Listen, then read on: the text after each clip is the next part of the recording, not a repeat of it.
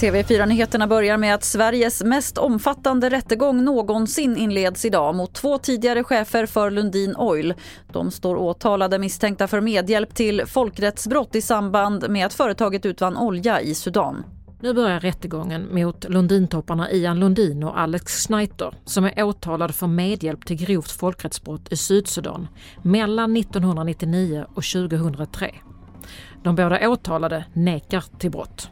Rättegången är Sveriges största med över 300 rättegångsdagar, 32 målsägande och minst 60 000 sidor utredning. Det handlar dels om att bevisa att den sudanesiska regimen tillsammans med olika miliser begick folkrättsbrott och dels att Lundin Oil hjälpte till att genomföra dem. Reporter här var Therese Kristiansson. Och idag inleds också rättegången kring det som beskrivs som Sveriges största insiderhärva. Tio ICA-handlare misstänks ha tjänat miljoner på olaglig insiderinformation i samband med att ICA avnoterades från börsen. 18 personer står åtalade. De misstänks ha tjänat totalt över 20 miljoner kronor på informationen.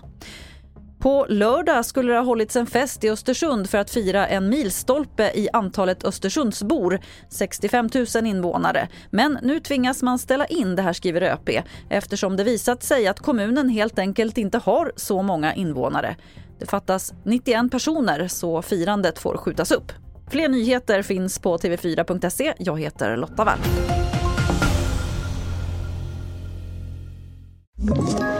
Ett poddtips från Podplay.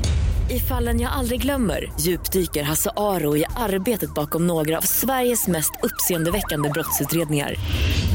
Går vi in med hemlig telefonavlyssning och, och då upplever vi att vi får en total förändring av hans beteende. Vad är det som händer nu? Vem är det som läcker?